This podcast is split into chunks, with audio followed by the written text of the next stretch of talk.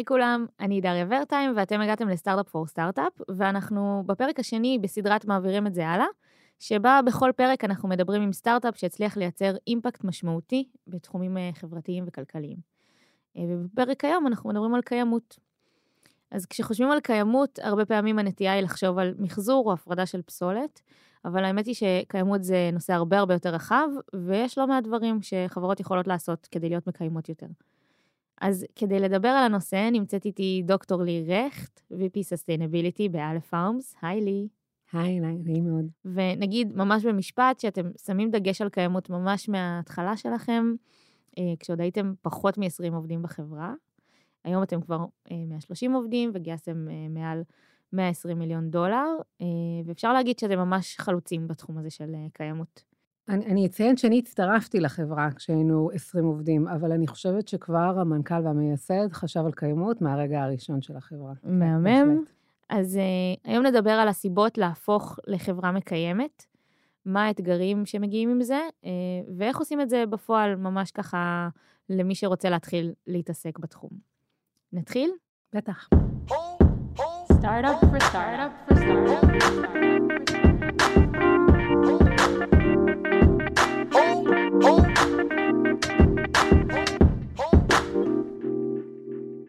אז לי, בואי נתחיל רגע בלמה בכלל אנחנו מדברים איתך אה, על, הד... על הנושא הזה, על, אה, עם חברת א' פארמס בכלל.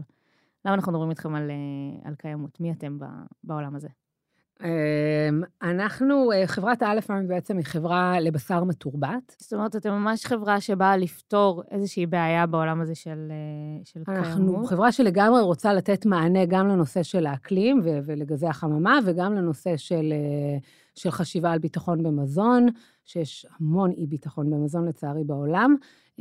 וחושבת גם על הנושא של בריאות הציבור, ובכלל על חוסן בשרשרות הערך של תעשיית המזון, ש, שגם שם זה מאוד לוקה. ואנחנו נגיד שזה באמת אולי אחת הסיבות שהזמנו אתכם לכאן, אבל מעבר לזה שהמוצר עצמו הוא מוצר ש... שהוא בעולמות הקיימות, אתם גם כחברה אה, ממש דאגתם להיות חברה שהיא מקיימת, זה נכון? זה, זה, אני משתמש במינוח... אה, לגמרי. אז ממש דאגתם להיות חברה מקיימת ממש מהשלבים הראשונים שלכם. ובעצם על זה באנו לדבר כאן, גם על אה, איך, איך סטארט-אפים שהמוצר שלהם הוא לא בהכרח בעולמות האלה, יכולים בעצמם להיות הרבה יותר מקיימים. אה, ולהתעסק, אה, ולהתעסק בעולמות האלה ולעשות אימפקט חיובי שם, נכון? בטח. אז קודם כל, אני באמת הייתי מחלקת את האימפקט שלנו, או בכלל הסתכלות של קיימות, אה, גם על המוצר עצמו, זאת אומרת, האם למוצר שלנו יש איזשהו אימפקט שהוא גם, ההשפעה של האימפקט הזה הוא גם סביבתי או חברתי, ואני חייבת להגיד שהמון סטארט-אפים הם דווקא, הם כן. זאת אומרת, שהם ממש, הרעיון שלהם זה לחשוב על איך להתייעל, איך להשתמש בפחות משאבים, גם אם החשיבה שלהם הגיעה ממקום, נגיד, כלכלי, זאת אומרת, איך אני מצמצמת אה, איזושהי התייעלות באיזשהו משהו שחוסך ממני כסף, הרבה פעמים זה גם חוסך גם בחשיבה של, אה, נגיד, אה, משהו סביבתי. שזה מעולה, כן? זה השילוב המושלם. בין... הש... לגמרי. זה, דרך אגב, אחת הגישות שלי בכלל בעבודה, זה להראות שבדרך כלל הנושא של סביבה וכלכלה חייבים להיות אחד לצד השני, כי בעצם להיות מקיים זה גם להיות מקיים בראייה הכלכלית והפיננסית. זאת אומרת, אי אפשר שזה לא יבוא ביחד.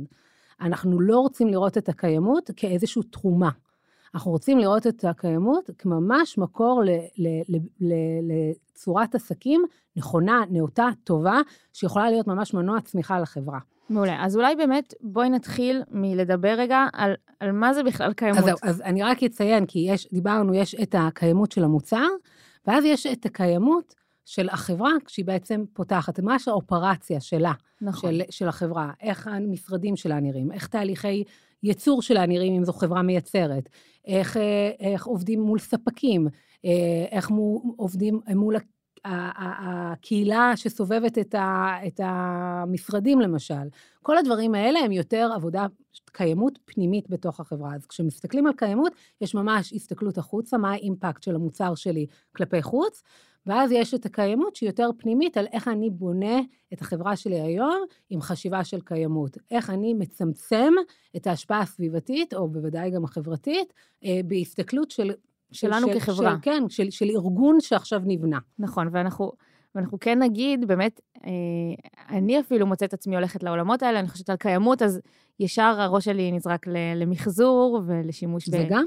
בכלים חד פעמיים. נכון שזה חלק משמעותי מזה, אבל זה גם עוד הרבה דברים, כמו שאת הזכרת כזה במשפט, זה גם... אה, זה גם ממש איך כל האופרציה של החברה נראית, נכון? לגמרי. מבחינתנו, תמיד בראייה של הקיימות, זה אנחנו נטפל בהכל, אבל קודם כל, אם אפשר, להפחית במקור. זאת אומרת, האם אנחנו יכולים לייעל את הדרך שאנחנו אוכלים, את הדרך שאנחנו מייצרים, את הדרך שאנחנו עובדים בתוך החברה, כדי לייצר פחות פסולת מלכתחילה? למשל, האם אנחנו יכולים להשתמש בכוס חד פעמית, או, או, או כוס קפה רב פעמית, במקום כל הזמן אה, להשתמש בכוסות אה, חד פעמים? זו דוגמה אחת, היא דוגמה. בעצם היא כבר קצת מאוסה אולי, אבל כן. היא עדיין דוגמה מצוינת שאומרת, הנה דוגמה. האם אני חייבת להדפיס כל נייר שאני קוראת אותו, או אני חייבת לחתום על כל נייר אה, פיזית, או האם אני יכולה כבר לעבור לחתימה אה, דיגיטלית, אונליין. או האם אני יכולה אה, בעצם לקרוא אונליין גם, כי זה מודה ומתוודה שלי זה פחות נעים, אבל, אבל אני עושה את זה כי זה שינוי הרגלים שאני יודעת שהם מטיבים והם מפחיתים במקור. אז זה כבר איזושהי אה, נקודה ראשונה שבאמת שווה להתעכב עליה, שזה לא רק, אה, קיימות זה לא רק המחשבה על אה, מה אנחנו עושים אחר כך עם הפסולת שלנו ואיך ממחזרים ואיך משתמשים ב, ב, בכל הדברים שאנחנו מייצרים, אלא כבר איך מראש אנחנו מייצרים פחות, אנחנו...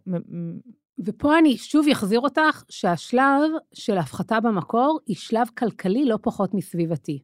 זאת אומרת, היום במדינת ישראל ובכל מדינות העולם, יש היום חוקים, למשל סביב פסולת. אם את זורקת המון פסולת כבית עסק, את משלמת עבור הפינוי הזה. לא בכל הפסולות דרך אגב, אבל כן בהרבה מהזרמי פסולת. ולכן, אם מלכתחילה את מפחיתה במקור, בפסולת שלך, את גם תפחיתי גם בהוצאות שלך בפינוי של הפסולת, למשל. אם תפחיתי בשימוש אה, של החשמל שלך בחברה, כי למשל, אתם מייצרים איזשהו שלטר שבשעה שבע בערב כל המזגנים נסגרים, או כל המנורות נסגרות, לאט לאט זה גם יבוא על חשבון, חשבון החשמל שלך, ואתם תשלמו פחות. נמוך. ולכן ההפחתה במקור היא ממש מבחינתי, בתפיסת העולם שלי ובתפיסת העולם היותר רחבה, היא קודם כל החלטה שהיא ממש מיושרת לחלוטין, עם חשיבה כלכלית.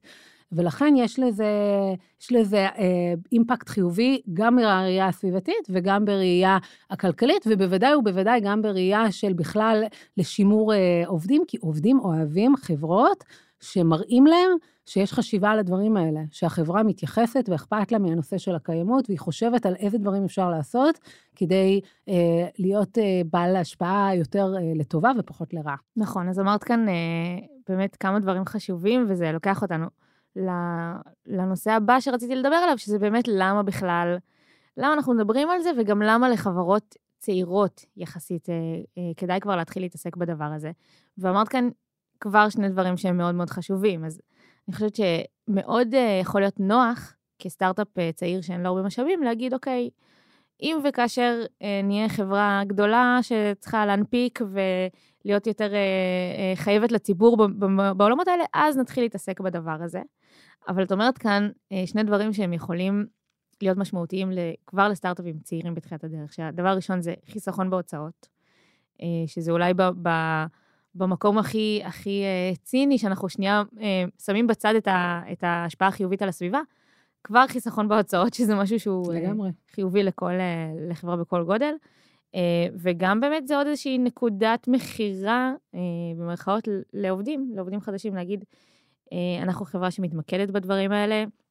חשוב לנו ההשפעה החיובית שאנחנו עושים בכל מיני נושאים, אה, לא רק אה, תנאים כמו שכר או, או משרדים יפים, וזה משהו שבאמת, אני חושבת, הולך ונהיה הרבה יותר משמעותי לעובדים ועובדות שמחפשים את מקום העבודה הבא שלהם, לראות שהמקום שהם עובדים בו מתייחס גם לנושאים האלה.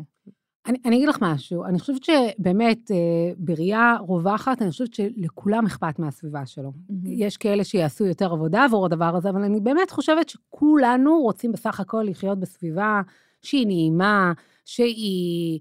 ש, ש, שהיא, לא, שהיא לא נותנת איזושהי תחושה כאילו של וואו, אנחנו מחרבשים כרגע את כדור הארץ. אנחנו כולנו רוצים לחשוב שאנחנו עושים דברים שהם חיובים וטובים.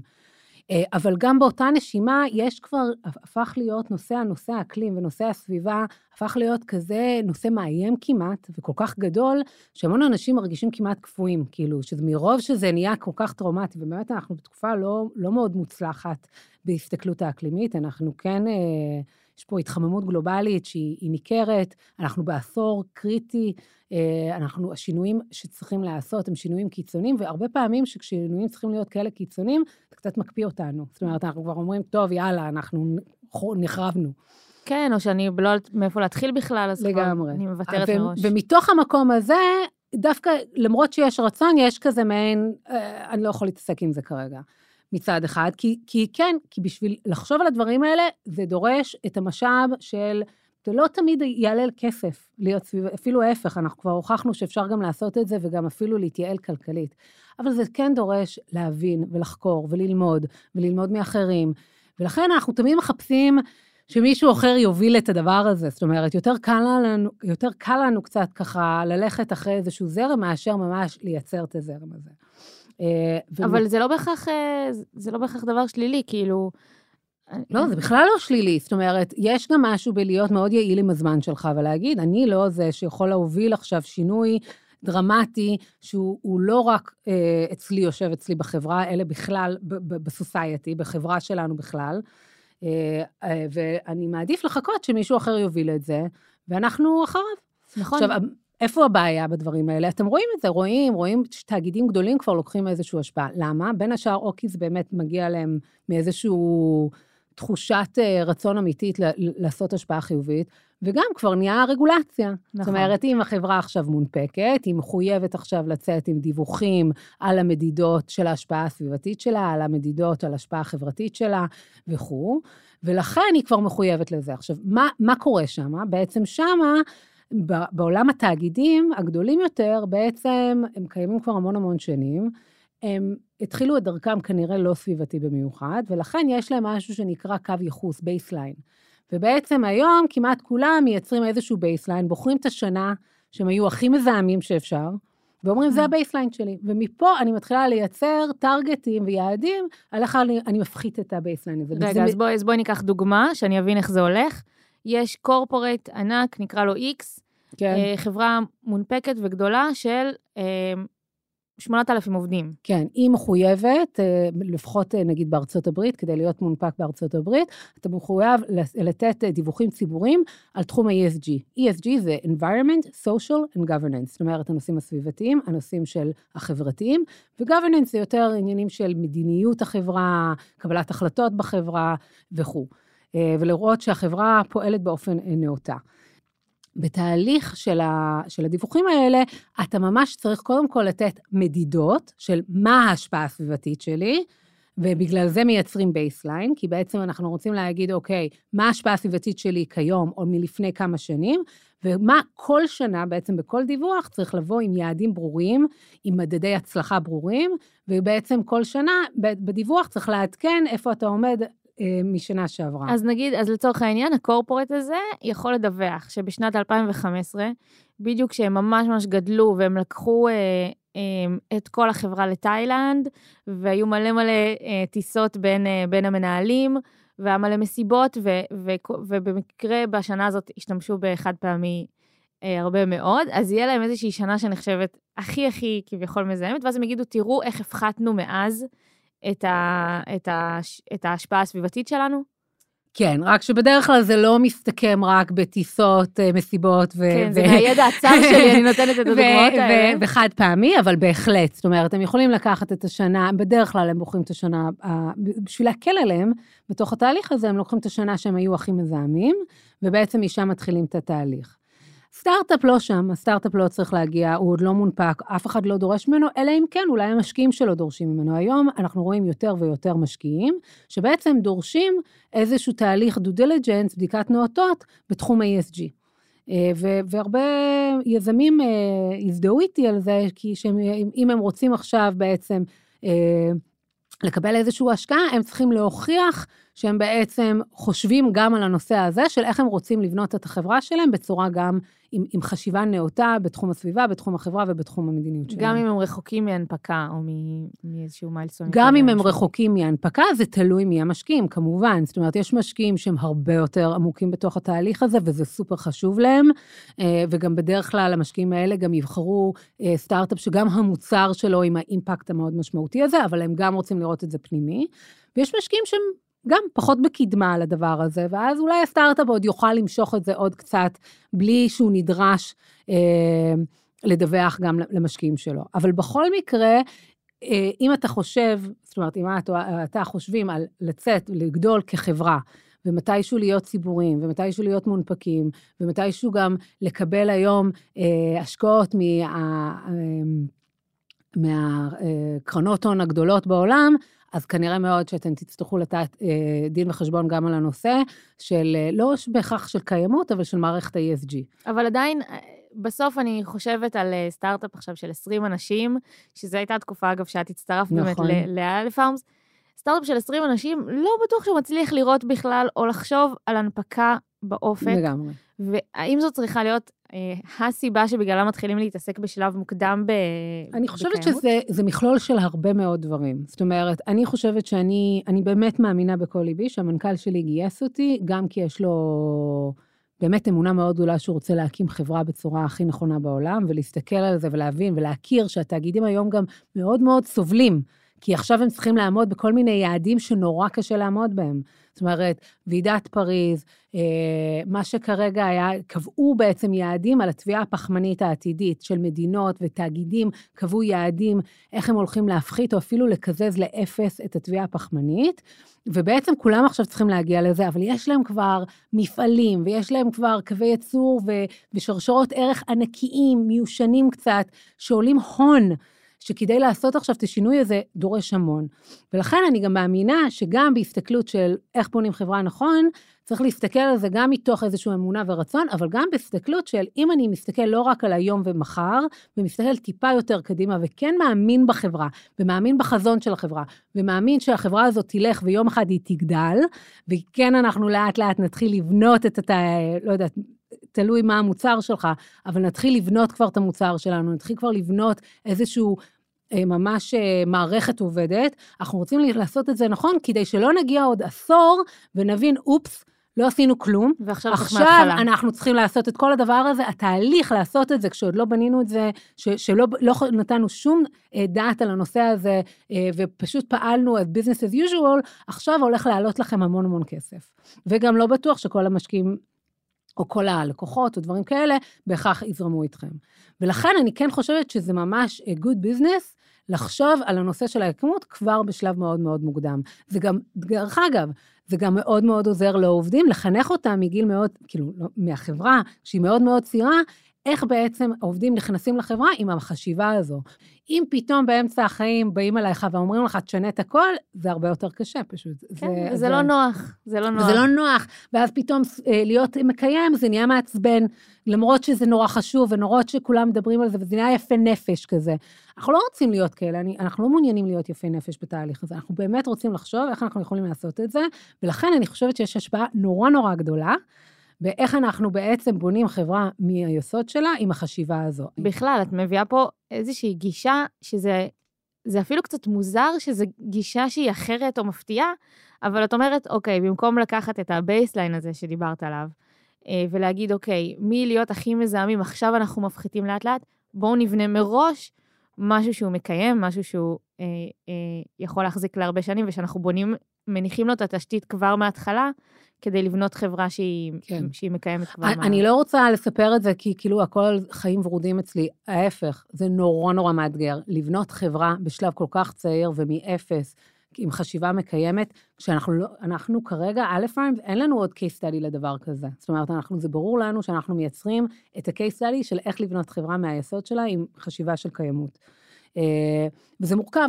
זה מורכב, כי גם אפילו מבחינת תמריצים ממשלתיים ומבחינת כל מיני מתווים של קיימות, עוד לא מכירים בקונספט הזה, הרבה יותר מכירים את הקונספט של לבנות baseline ולהתחיל את, את ההפחתה. ולהפחית. אה, פחות פחות רגילים, ולצערי אני אומרת את זה, לאיך לבנות מהיסוד, מהעיצוב, ממש מהחשיבה, מה, מהחשיבה הראשונית, חברה שמקיימת. זה דורש המון חשיבה, המון למידה, המון הבנה של חשיבה מחוץ לקופסה, וממש לקחת דוגמאות מכל uh, ארגון שאני עובדת איתו, מכל בן אדם שאני פוגשת, ולהגיד, אוקיי, אני ממש מזקקת, את זה אני יכולה לקחת, זה מתאים לאלף פארמס, ויש פה גם המון ניסוי וטעייה, כי לא, לא בהכרח הכל מתאים.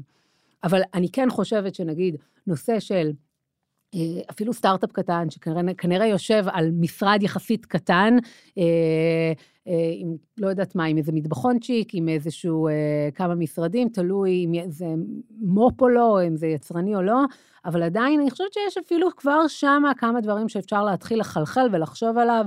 כמו הנושא של חשיבה, שימוש בחשמל, במים, אפשר לשים חסכני מים על הברזים, כמו חשיבה על, על הנושא של הפסולת. אז, אז זה באמת גם הייתה שאלה שלי, כי באמת יש חברות וסטארט-אפים שהם הרבה יותר עוסקים בייצור של מוצרים פיזיים, ויש מפעלים ודברים שאני ממש יכולה להבין איך הם יכולים להפוך למזהמים מאוד מהר. בואי נדבר רגע על סטארט-אפים שהם יכולים להיות בתחום התוכנה. כמה כבר השפעה סביבתית יכול להיות, יכולה להיות לחברה כזאת? כאילו, גם, גם סטארט-אפים כאלה צריכים להתעסק בנושא הזה? בוודאי, כי זה לא, קודם כל תסתכלי, תסתכלי על, על מאנדיי, תסתכלי על גוגל, על פייסבוק, קודם כל כשאתם הופכים להיות אה, חברה ענקית, יש לכם המון המון משרדים, זה מפני עצמו יושב ויש לו השפעה. אה, יש לכם שרתים ענקיים שאולי אתם לא רואים אותם בפנים, הם יושבים שם במרכזי שרתים רחוקים, צורכים המון המון המון המון אנרגיה. אה, כן, ולא וגם... סתם, החברות תוכנה האלה, אה, כבר יש להם, אה, הגדולות בעיקר, הם בעצם ממש מובילים את הדרך בכל מיני יעדים סביבתיים. זאת אומרת, הם מאוד מאוד מבינים שיש פה גם להם את ההשפעה שלהם, וגם הם צריכים לחשוב על הדברים האלה בהסתכלות הזאת. אבל אני יכולה להגיד, דוגמה לסטארט-אפ, אפילו בראיית התוכנה, של משהו שאנחנו עשינו בשלב מאוד מוקדם של החברה, שממש רק הצטרפתי. בעצם, כמעט כל סטארט-אפ בישראל מקבל 10 ביס, אפילו אולי התמריץ הכי אה, מרגש אה, שמקבלים 10 ביס. וישבנו וחשבנו על זה, ואצלנו, כשאני נכנסתי לחברה, בעצם היה לנו 10 ביס יומי, שהוא מתקזז כל יום. ובעצם הקונספט הזה של 10 ביס יומי, הוא קונספט שמדרבן כל יום לעשות טייק אווי. כי אם אני לא עושה טייק אווי, אם אני לא מזמינה את האוכל אה, ומביאה אותו, אני בעצם מפסידה כסף. מבזבזת את ה... כי הכסף הזה הולך... כן, אה... הוא מתאפס, נכון. ו- וחבל. אז אחד הדברים הראשונים שעשינו, זה בעצם לקחנו את כל תקציב הארוחות צהריים שלנו, ובמקום, לה... השארנו את הפלטפורמה של הטנביס פתוח לכולם. זאת אומרת, אפשר להשתמש בזה אם אתם ממש אה, צריכים, אה, אבל את כל הכסף עצמו העברנו למשכורת, ולא לטנביס עצמו. ואז בעצם מה שקורה עכשיו זה שהעובד מגיע, יש לו את הכסף שלו, יש לו משכורת, לארוחות, אה, יש לו תוספת שכר לארוחות צהריים, והוא יכול להחליט, אולי אני אכין את האוכל בבית, אם אני יכול, אני כבר, בעצם אני כבר לא מדורבן כל יום להזמין אוכל, כי דווקא להזמין אוכל זה נורא, זה לא, זה נורא יקר, וגם בוודאי שיש לזה השפעה סביבתית, כי יש לזה המון חד פעמי. אה, אז אני לא אומרת שכולם יכולים להכין אוכל בבית ולהביא אוכל לעבודה, ואני ממש לא מתיימרת להגיד שזה מה שצריך לעשות. יש אנשים מלא, עם ילדים, עם, עם, עם מלא מלא מלא אחריות, והם רצים כן. כל היום, ואני לא פה מנסה להכביד, אבל אני כן אומרת, למי שזה בא יותר בקלות, ויש לו אולי שאריות של אוכל מהסופש, אז הוא יכול כבר להביא את הדבר הזה. בנוסף לזה, הבאנו גם המון אוכל לתוך המשרדים, זאת אומרת שאפשר אפילו אה, לחטוף איזושהי ארוחה קלה דרך המשרד, איזה סלט קטן או איזה סנדוויץ', ולחסוך כל הזמן להשתמש. זאת אומרת, אתם אה, פחות מעודדים את האופציה הזאת של טייק אווי ושל... אבל אנחנו עדיין מאפשרים לזה להיות שם, זו אופציה, זאת אומרת, בסוף זו בחירה של, של העובד. אה, לפחות אצלנו. יש גם, יהיו כאלה שיחליטו באופן עקרוני שהם סוגרים את התן ביס, שאצלנו רק נותנים X ו-Y וככה זה עובד. כן, אבל חברות במקום... גדולות יותר כבר יש ממש קייטרינג וארוחות צהריים מקומיות, אבל דווקא לסטארט-אפים, התן ביס הוא, הוא מקור, אה, הוא אחד התנאים החשובים שיש לעובד. נכון, אז, אז, דוגמה, בעצם... אז זה רק דוגמה למשהו קטן, שלא מאוד משפיע אה, על ההנהלה ועל ההוצאות הפיננסיות של החברה, אבל בעצם כן עושה איזשהו אה, shift כן. אה, בחשיבה של העובד, כי פתאום עכשיו, כל פעם שאני מזמין אוכל, זה יורד לי מהמשכורת. זה כבר לא משהו שגם ככה מתקזז לי כל יום, וכבר לא אכפת לי. וגם יש פה את הנקודה מה- מהצד ה... שמסתכל באמת על ההשפעה הסביבתית, לא רק להגיד, אוקיי, מה ממש תלוי ספציפית בנו, והאם אנחנו מכבים את האור או לא, והאם אנחנו... אלא איזה השפעה גדולה יותר, רחבה יותר, אנחנו יוצרים על הסביבה, בכך שאנחנו מאפשרים, למשל, להזמין אוכל. כן. שתמיד, או, או ברוב המקרים, יגיע בכלים חד פעמיים, ו, ומה זה מייצר, הדבר כן. הזה. אז כאילו, זה ממש לה, להרחיב את המחשבה לאיזה עוד פעולות אנחנו עושים בחברה שיכולים, שיש להם בעצם השפעה סביבתית כן. שהיא... המטרה היא לא להיות קיצונית, כי כשאתה קיצון, אז, אז אתה מייצר אנטגוניזם. נכון. כי כן, אני חושבת שיש מקום אה, לדייק ולהבין שמה שאנחנו עשינו עד כה הוא לא נכון, אבל יש מספיק אנשים שמתעסקים בזה. ובניהול קיימות, בטח בארגון, זה חייב להיות עם הסתכלות עסקית. זאת אומרת, זה חלק העסקי, זה לא איזשהו אה, החלק ההתנדבותי של החברה, לפחות ככה אני רואה את זה. קיימות חייבת להיות משהו הרבה יותר רחב, זאת אומרת, ממש בחזון של החברה. והיא צריכה להיות ממש אה, מנוע צמיחה לחברה.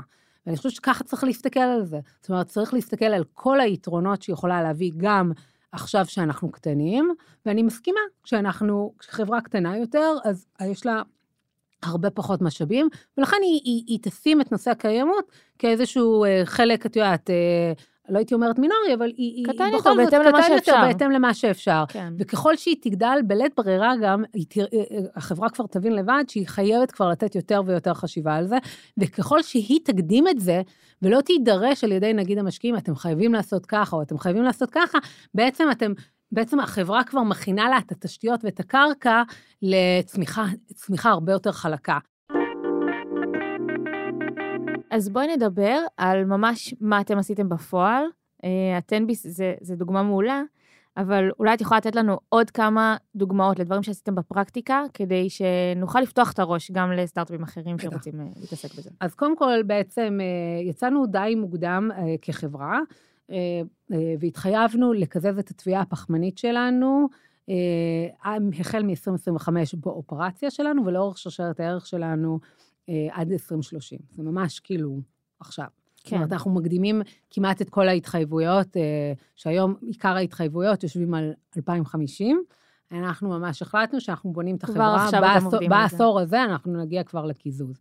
קודם כל, יש את שלב ההפחתה וההתייעלות. אז קודם כל, ממש יושבים ומנסים לנטר את ההוטספוט שלנו, גם בתהליכי ייצור, אבל גם בכלל באופרציה ואדמיניסטרציה של החברה. במקומות שהם הכי מבזבזים או, או, בדיוק, או מלכלכים מבחינת ומנסים לראות איפה אנחנו יכולים לעשות הפחתה במקור. הרבה פעמים זה הדרכה, זה חינוך, זה לדבר על זה, זה לשבת עם אפילו מעצבת וממש לייצר תכנים, אה, לדבר עם ה... ממש לייצר אה, הרצאות על הדברים האלה, אז זה דבר אחד שאפשר לעשות. ואז... נכון, אני גם, אני גם אוסיף את הדוגמה הקטנה שדיברנו עליה ממש לפני הפרק אה, כאן ממאנדיי, ש... באמת עכשיו אה, אה, במטבחים, בכל מטבח במאנדיי יש אה, המון סוגים של פחי מחזור, וזה משהו שנכנס בשנה או שנה ומשהו האחרונות לחברה, וזה כן דרש איזושהי הסתגלות מצד העובדים, וכדי להקל עלינו, יש גם סרטוני הדרכה שמופיעים ממש על המסכים במשרד, שאפשר להתקל בהם ממש ברמה היומיומית, וגם ממש גרפיקות ועיצובים. ש... זה נורא נורא חשוב. שממש מדריכים אותנו לאן כל uh, פיסת מזון או, או דבר אחר הולכת, וזה, וזה מאוד מאוד מקל על השימוש בדבר אני, הזה. אני, אנחנו לפני חצי שנה יצאנו עם מתווה הפסולת שלנו גם, uh, ובעצם יצרנו uh, שישה זרמים של פסולת בחברה. וזה נורא קשה לעובדים להבין את זה. זאת אומרת, כשיישמנו את זה לפני חצי שנה, זיהינו שכמה שבנינו את כל המתווה הזה בצורה כל כך מקצועית וכל כך באמת רחבה והוליסטית, בעצם העובד קצת הלך לאיבוד. רגע, אה, אה, חלק מהפלסטיק הולך למחזור אה, אריזות, אבל חלק מהפלסטיק הולך לסולד נורא מבלבל. וזה מבלבל וזה מסבך, ואנחנו מביאים את זה. ולכן אנחנו עכשיו בעצם נכנסנו לעוד פרויקט, שהפעם אנחנו הפסולת נשארת, אנחנו עדיין עם השישה הזרמים האלה, אנחנו כן עושים הדרכות אה, לעובדים, אבל עכשיו אנחנו ממש עובדים על איזשהו פרויקט עם מעצבת גרפית שהולכת לעזור לנו גם לבנות את זה וגם להנגיש את זה בצורה הרבה יותר קלה. כמו שאמרת, הדרכות, בין אם זה סרטונים או גרפיקה, או סמנים שהרבה יותר ברורים, או ממש אה, לפרט את הדברים האלה. וזו דוגמה מעולה להגיד איך... איך הדרישה היא גם מתוך הארגון, היא גם מתוך העובדים, אבל גם הכל צריך להיות יחסית פשוט, זאת אומרת... בדיוק, בשביל שזה יקרה, יש משפט שאנחנו אוהבים בצוות אה, להשתמש בו, אם זה לא יהיה פשוט, זה פשוט לא יהיה. זה צריך להיות, לגמרי, אני מסכימה עם המשפט הזה, אבל הפשוט צריך להיות בשביל מי שאנחנו מבקשים ממנו שיעשה את העבודה. בשבילי זה לא צריך להיות פשוט. וזה דורש עכשיו, דרך אגב, למצוא את הספק הכי נכון שיפתור את זה. ודרך אגב, פה אני, אני נורא אשמח לציין שאנחנו עובדים עם איזושהי חברה, היא, היא, זה, זה חברה פרטית, אה, אבל חברתית, שנקרא ירוק חברתי. ובעצם כל העובדים של ירוק אה, חברתי הם עובדים שבצורה כזו או אחרת אה, מוגדרים עם איזושהי נכות אה, ממשרד, אה, מביטוח לאומי, ובעצם אה, ירוק חברתי, בעצם זה one stop shop כזה, שאנחנו מפנים את הפסולת שלנו לפי המחזור השונה, והם אוספים אותו ודואגים להעביר את זה לכל אחד, את כל אחד מהזרמי הפסולת שלנו למקום ייעודי שלו. ואנחנו ניתן את הפרטים שלהם בתיאור הפרק, וגם של עוד אה, ארגונים וחברות שאתם נעזרים בהם. כן, בשביל... זה ירוק חברתי, אחלה חברה, ואני ממליצה לעבוד איתם. זה לא פשוט, דרך אגב, כחברה קטנה לפעמים לעבוד עם הדברים האלה, אבל, ככל, אבל זה עדיין משהו שיש לו, לדעתי, אימפקט אה, נורא משמעותי.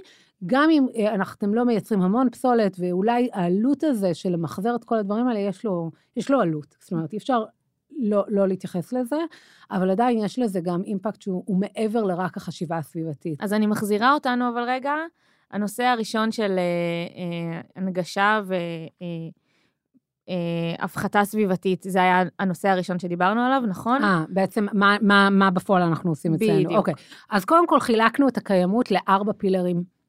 אה, שונים, ולכל פילר בעצם אה, יש אה, ממש אה, יעדים, אסטרטגיה ותוכניות עבודה. הפילר הראשון הוא הסביבתי. כשמסתכלים על קיימות, אנחנו מסתכלים בוודאי על הנושא הסביבתי.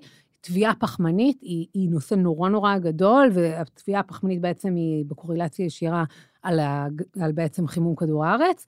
אבל אנחנו גם, יש לנו אסטרטגיות גדולות על נושא הפסולת, שכבר אה, דיברתי עליו קצת, על נושא המים, בחירת חומרי גלם יותר אחראיים אה, מול ספקים, אה, אה, חשיבה על מעגליות בתוך נגיד תהליכי הייצור שלנו, אז בעצם כל הנושא הסביבתי הוא, הוא מאוד מאוד רחב ומאוד מאוד משמעותי. הפילר השני בקיימות הוא, הוא הפילר החברתי, והוא מתחלק אצלנו, כשמדברים על קיימות חברתית, הרבה פעמים עד כה התעסקו בעיקר דווקא על העובדים. זאת אומרת, מה, האם יש uh, diversity and inclusion? גיוון והכלה, זה בדיוק, זה הפרק הראשון שהקלטנו בסדרה. אז... אז האם למשל הנושא של גיוון והכלה יושב בתוך חשיבה של קיימות חברתית, ואיך מתייחסים לעובדים, ואיפה נותנים להם אה, הכשרות והדרכות ו, ופיתוח אישי וכל הדברים האלה. אצלנו ספציפית, כי אנחנו נכנסים בעולם של אה, בשר, אה, של תעשיית הבשר, שהיא תעשייה קיימת, ואחת העתיקות בעולם, בעצם אנחנו גם, אה, הרבה מהעבודה שלנו על הקיימות החברתית, היא גם החשיבה על מה ההשפעה של המוצר שלנו תהיה, על בעצם על התעשייה המסורתית יותר. זאת אומרת, איך אנחנו אה, חודרים לתוך השוק הזה, כשאנחנו לא מזיקים אה, לעובדים של, של תעשיית הבשר הקונבנציונלית, והיום אנחנו רואים שיותר ויותר זה גם נדרש, אה, גם מבחינת חשיבה של, זאת אומרת, החשיבה של איך, איך, איך סטארט-אפ וחדשנות נותנת דין וחשבון על הנושא של צדק חברתי לתעשייה מסורתית, הולכת ותופסת יותר ויותר תאוצה. זאת אומרת, גם לראות שאתם לא איכשהו מייתרים את העבודה של הרבה עובדים שהם עובדים בעבודות מסורתיות בדיוק. יותר. אז זה פילר אחד אה, סביבתי, פילר שני זה חברתי. פילר שלישי, אה, בגלל שאנחנו בעצם אה, חברת מזון, בכל זאת, אז יש לנו פילר גם של חשיבה של אה, תזונה ובריאות.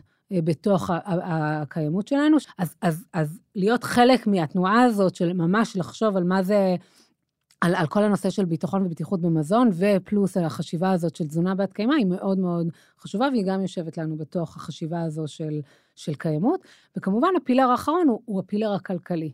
שנורא נורא, אני, דרך אגב, המון מהעבודה שלי גם מתעסקת בנושא הפיננסי של הדבר הזה, כי אם אנחנו רוצים להיות אה, מקוזזי תביעה פחמנית, ואם אנחנו רוצים להיות מסוגלים לחשוב על כל הנושאים האלה, הסביבתיים האחרים, אנחנו חייבים, כמו ש...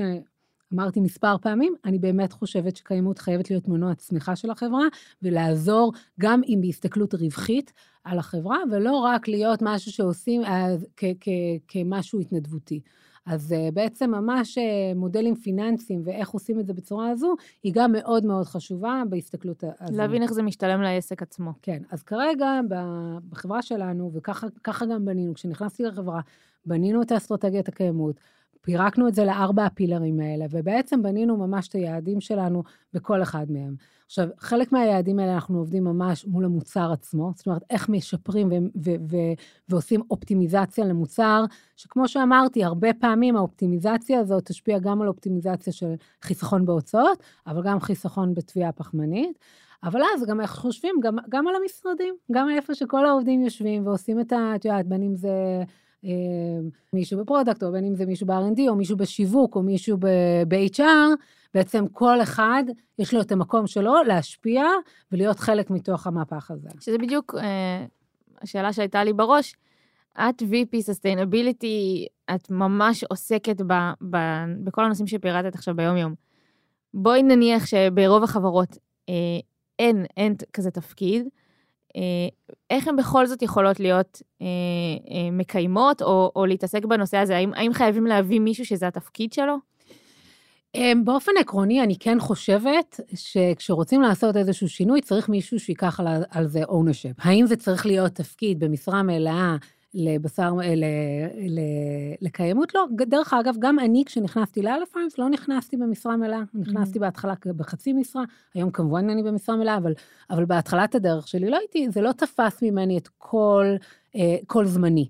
אה, וזה בסדר גמור, זאת אומרת, אבל אני כן חושבת שיש חשיבות בנושא הזה של ה-ownership, כי אה, לצפות מכולם אה, בעצם אה, אה, לחשוב על הנושאים האלה לבד, כשהם גם ככה עמוסים כנראה בהמון המון מטלות מקצועיות שיש להם, אני חושבת שזו דרישה מוגזמת ממנכ"ל אה, החברה או מהנהלה, לצפות שהעובדים יעשו את זה לבד.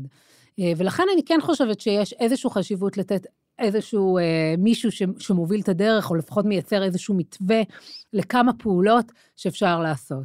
זה יכול להיות המנכ"ל, אם יש לו קצת זמן לזה, וזה באמת אצלו בליבו, יש כמה מנכ"לים ו- ויזמים שאני מכירה, באמת זה, זה בקור שלהם. כן. אה, ויכול להיות שזה מישהו שהם לוקחים, איזה יועץ חיצוני, או איזה מישהו במשרה חלקית, וככל שהחברה גדלה, בעצם יש יותר ויותר פרויקטים שאפשר להכיל אותם. וגם או אני... שיכול להיות שזה אחד העובדים פה, שבעצם לוקח איזה 20% מהמשרה שלו, ומפנה את זה לנושא של הקיימות. בדיוק, רציתי אפילו להקטין את זה עוד יותר, כי את קודם אה, הזכרת שיש אצלכם שגרירים בחברה. אז אפשר אפילו להתחיל מאיזשהו פרויקט כזה של שגרירים או שגריר בכל, אה, בכל צוות. חד משמעי, אפשר לייצר הרבה תמריצים. דרך אגב, אני, אני כן בעד שאם אה, נגיד סתם עובד, יש לו הצעה, וההצעה שלו היא גם בעצם אה, נותנת חיסכון, גם סביבתית, אבל גם אולי חיסכון כלכלית, יכול להיות שאפשר לעשות אלוקציה של החיסכון שלו לאיזשהו, כתמריץ, כאיזשהו פרס. אה, זה, יש מלא רעיונות וחשיבה איך לגייס עובדים לתוך התהליכים האלה. כמובן שככל שהחברה גדולה יותר, קל יותר לעשות את זה.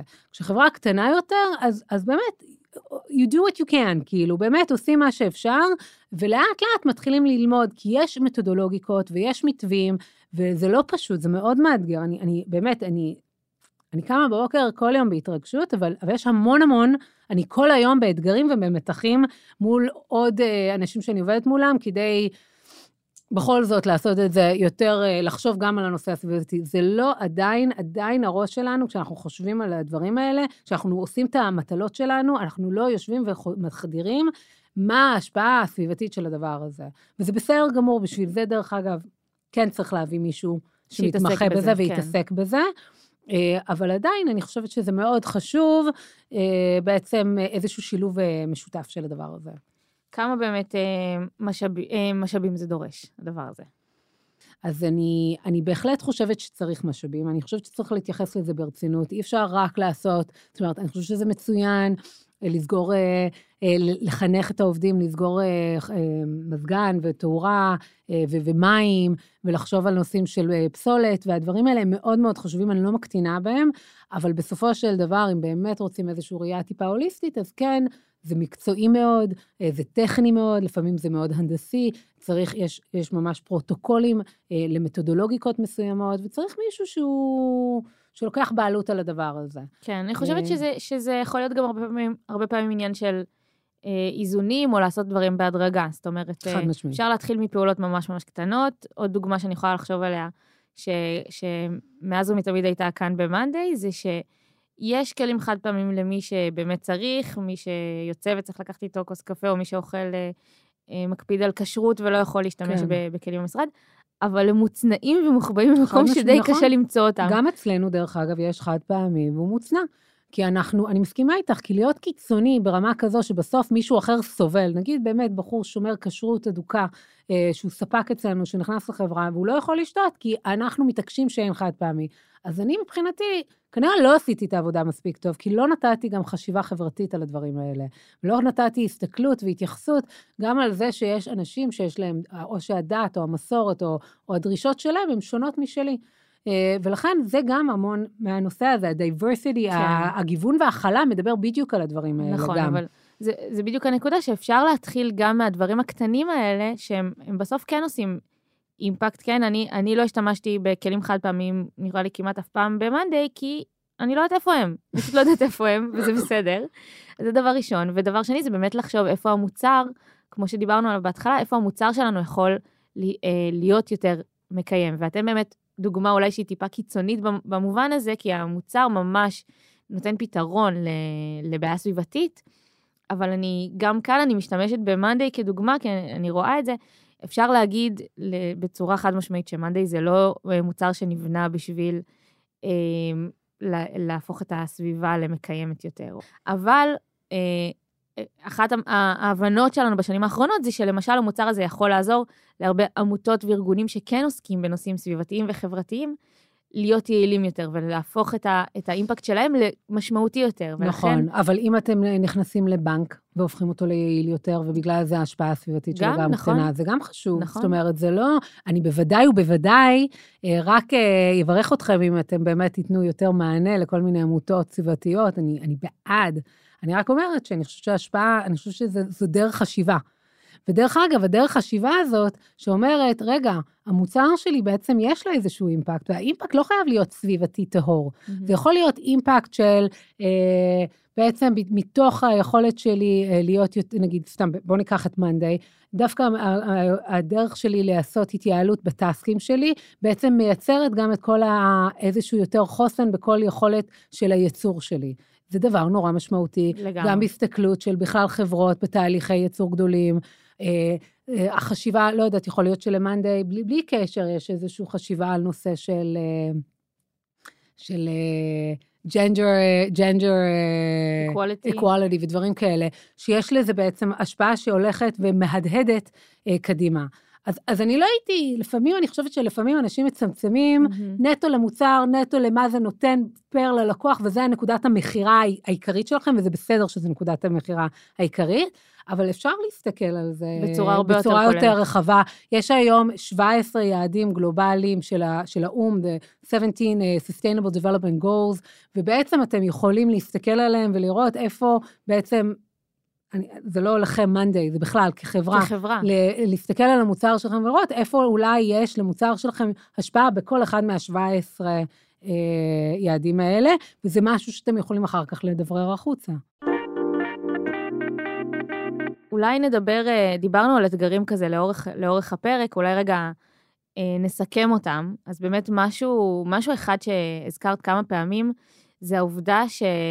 אה, אתם למשל, אתם צריכים להיות סוג של פורצי דרך בתחום, גם אם אתם, גם אם אתם לא כל כך רוצים, גם אם אתם לא בוחרים בזה, ברגע שאתם רוצים ממש להתעסק בזה בכל הכוח, זה דורש מכם לפרוץ דרך, כי פשוט אין עדיין מספיק תשתיות, נכון? להיות uh, חברה מקיימת uh, כן. בצורה קלה. אז uh, חד משמעי. Uh, אני חושבת שבאמת, uh, יש עכשיו, באמת, כמו שאמרנו, ממשלות קבעו יעדים מאוד מאוד uh, שאפתנים לגבי ה... הקיזוז התביעה הפחמנית אה, של מדינה שלמה, של כל ארצות הברית וכל אירופה אה, עד 2050. כדי להגיע ליעדים האלה, בעצם יש להם, אה, הם בונים עכשיו המון המון תוכניות, שבין השאר עוזרים, עוזרים להפחית את הנושא הזה של, ה, של התביעה הפחמנית. סתם, שוב, אני, אני בוחרת בתביעה הפחמנית כי נושא, אנחנו גם לקראת ועידת האקלים, ושם זה ממש הכל בסביבה של גזי חממה והתחממות כן. כדור הארץ, אבל, אבל יש עוד הרבה דברים אחרים. נושא של מגוון ביולוגי הוא נושא נורא נורא קריטי, ומים הוא תמיד קריטי, ואיך הפסולת שלנו מנוהלת בעולם בצורה שלצערי היום מאוד מבזה, היא מאוד קריטית. אה, אבל אני אתן סתם את הדוגמה הזו בעצם, נגיד, של הטביעה הפחמנית, כי זה דבר, דברים שבאמת מדינות ותאגידים ממש יצאו להתחייבות על הדבר הזה, ובאמת דיברנו על הנושא הזה של ה baseline וההפחתה. עכשיו, היום, יש היום תמריצים ממשלתיים גדולים שרוצים לעזור לכל הנושא של הדיקרבוניזציה של, של חברה קיימת. הם לא יודעים מה לעשות כשחברה אומרת, רגע, אנחנו לא רוצים להגיע בכלל ל baseline המזהם הזה, אנחנו רוצים לבנות בלי ה baseline הזה, אנחנו רוצים לבנות עם baseline הכי נמוך שלנו. אז אתם בעצם יכולים לפספס תמריצים, כי במקום להראות שהפחתתם איקס אחוזים, אתם מראש... בדיוק. אה, לא מגיעים אליהם. ולכן אנחנו כאילו, אנחנו לא מתקבלים למועדון אה, החברות והתאגידים, ש, ש, שדרך אגב, חשוב לי לציין, היום התאגידים הם המזהמים הכי גדולים. זאת אומרת, אני הסטארט-אפ הקטן הזה, שאולי בעתיד אני אהפוך להיות חברה גדולה ומשמעותית, אה, את יודעת, בעולם, אבל כרגע אני עדיין מאוד קטנה. אני מבינה למה הם עשו את השיקול דעת הזה, זאת אומרת, הם קודם כל היו צריכים לתקוף את, ה, את מה שהיום... השחקנים הגדולים. השחקנים הגדולים שהיום פוגעים בכדור הארץ, כשאנחנו נמצאים בעשור סופר קריטי. אנחנו עוד לא שמה. And yet, אנחנו נהיה שמה. ולא רק אני, א' פארמס, כאילו, אנחנו הסטארט-אפים, זאת אומרת, חלק מהסטארט-אפים לא ישרדו את זה, אבל חלק מהסטארט-אפים כן.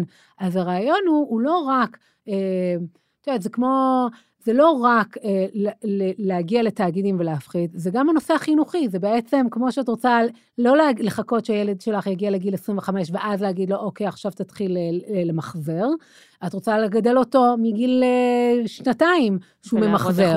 אז בדיוק אותו דבר מול הסטארט-אפ. אני צריך לחנך, צריך לעזור לסטארט-אפים שדווקא נורא נורא מוגבלים במשאבים שלהם, בזמן שלהם, בכסף שלהם. לתת להם איזשהו מתווה שהוא גם קל עבורם, שהוא שונה דרך אגב, כי הוא לא הפחתה, הוא בעצם בנייה אה, בעיצוב של, של חשיבה של התייעלות, זה כבר דורש אה, מתווה חדש, ולצערי אין מספיק אה, חשיבה על הדברים האלה. מה עוד מאתגר? תראי, מאתגר באופן עקרוני תמיד לגייס אה, שותפים, בין אם הם פנימיים בתוך הארגון ובין אם הם חיצוניים מחוץ לארגון, לחזון מאוד שאפתני בתחום שהוא עדיין, מצד אחד, הנושא של הקיימות הוא, הוא נושא שכמו שאמרנו, פתחנו את השיחה הזאת בזה שבסוף כולם נורא רוצים להיות מקיימים וכולם נורא רוצים להיות בסביבה טובה, אבל, אבל זה נורא קשה, כי, כי בעצם התשתיות לא מאפשרות את זה בכזאת קלות. אנחנו עולם של צרכנות נורא גבוהה, ויצירת פסולת נורא גבוהה, ואין מספיק מודעות, להמון אנשים עדיין אין מספיק מודעות על הדברים האלה. אז כשאתה בעצם, גם ככה כסטארט-אפ, אין ספק שיש פה לחץ, אוקיי? אנחנו, יש פה הישרדות, יש פה רצון אמיתי אה, לצלוח אה, עם המוצר שלי ולהביא אותו למקום הכי טוב, ואז בתוך התהליך הזה, שגם ככה יש פה איזשהו כנראה טכנולוגיה פורצת דרך כזו או אחרת, שמנסים לפתח אותה ו- ולהרים אותה, ולייצר ממנה מוצר ותהליכי ייצור, אה,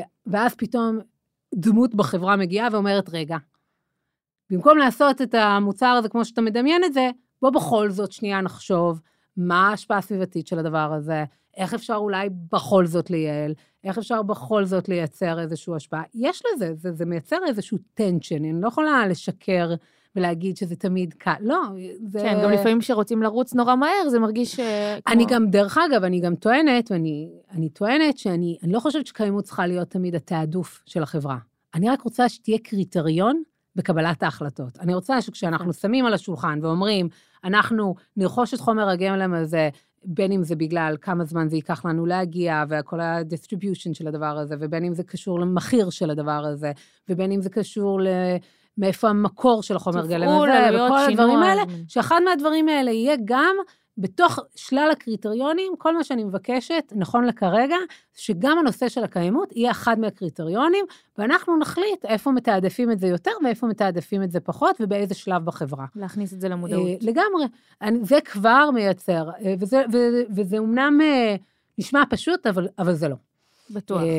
זה, זה לא וזה מאתגר. אנחנו מתקרבות לסיום, אבל אולי ככה שתי שאלות אחרונות. אה, באמת, אה, דיברנו גם על הרבה אתגרים ו- ו- ואיך כן מתחילים בזה, אבל אה, אולי באמת כן נדבר על ממש מאיפה מתחילים. אם יש חברות עכשיו ששומעות אותנו ורוצות להתחיל להתעסק בדבר הזה, ממש מה הצעדים הראשונים שהן יכולות לעשות בשביל להתחיל להיות יותר מקיימות. קודם כל, אני חושבת שכשאתה חברה צעירה שרוצה לעשות את הקיימות הזאת, בוודאי אני חושבת, קודם כל חשוב לי להגיד שאני חושבת שכל עובד יש לו אימפקט בדרך שהוא מתנהל בתוך החברה. יהיו כאלה שיותר ויהיו כאלה שפחות, אבל לכולם יש.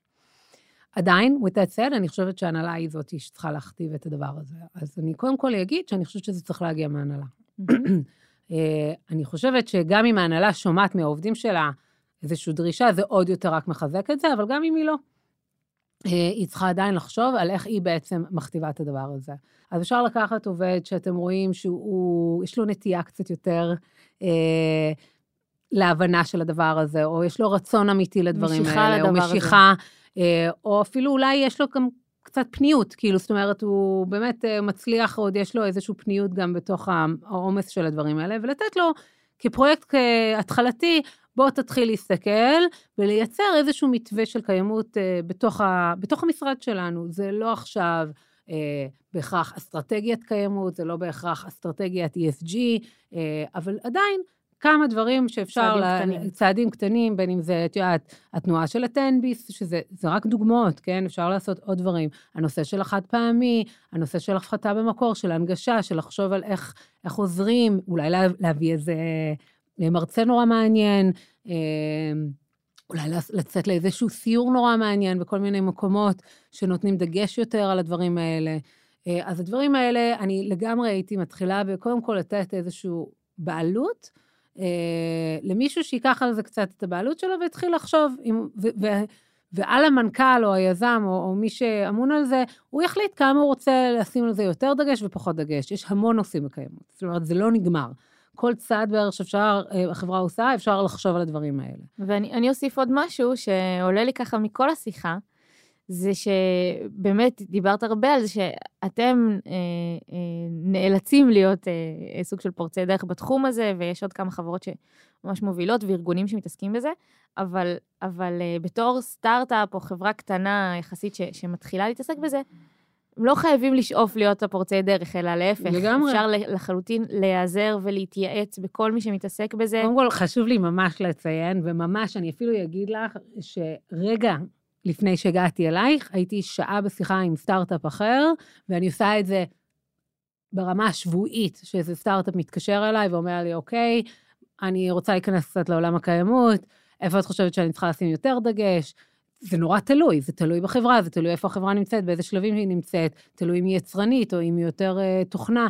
יש המון שאלות שנשאלות על הדבר הזה, כן. ויש המון אנשים שהם באמת שם כדי לעזור. זאת אומרת, בדיוק. ישראלים באופן עקרוני, במהות שלהם, הם אנשים חמים, והאקו-סיסטם במיוחד של הסטארט-אפים, זה אקו-סיסטם שכל הזמן, אה, של קרמה, של אנשים נותנים ומקבלים, ונותנים ומקבלים, ואני לאורך כל חיי, בטח המקצועית, היו שלבים שגם אני הלכתי והתייעצתי עם אחרים, וגם אני היום אה, בעצם אה, עומדת שם ופונים אליי, ואני מייעצת אה, לחברות אחרות, ואנחנו בוודאי ובוודאי עושים את זה, ואני בהחלט חושבת שכדאי גם את זה לעשות. אם אתה חברת סטארט-אפ שפתאום מעניין אותו הדבר הזה, הייתי פונה אפילו לקולגות אה, חביבות שלי, הכי טובות שאני מכיר, שאני, שיש להם איזו התעסקות בקיימות, ומתחיל לשאול אותם מה אתם עושים בשביל הקיימות, איך אתם התחלתם, וככה לאט לאט לזקק את הדברים האלה. כן, את יודעת, זה בסוף, זה גם הקונספט שאנחנו מביאים בפודקאסט וביוזמה הזאת באופן כללי.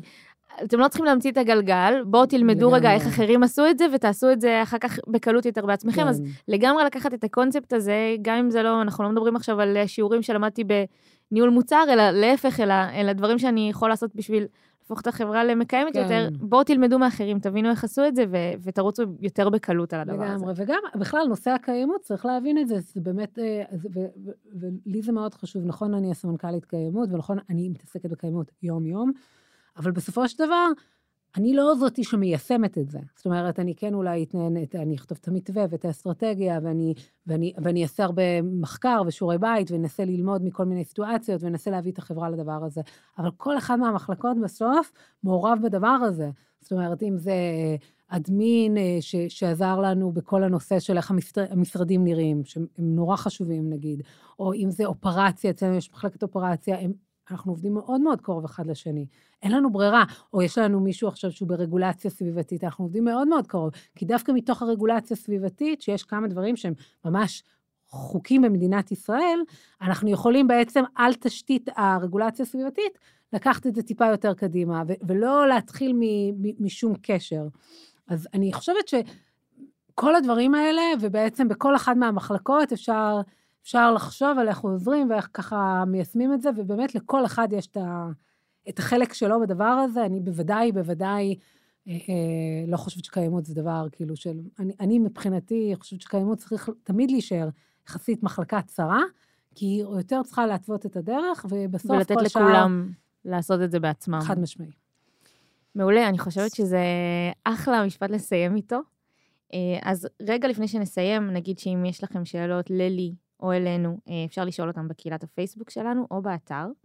אה, ושאם אתם רוצים לעשות תהליך דומה ומחפשים עמותה שתוכל ללוות אתכם, אפשר לפנות לירוק חברתי, נכון? קוראים? ירוק חברתי זה לא עמותה, mm. זה חברה, זה חברה פרטית, חברתית אבל, שמטפלת בנושאים של מחזור פסולת. מעולה. והיא one stop shop לנושא הפסולת, והיא מאוד מומלצת, ואני כן בשמחה.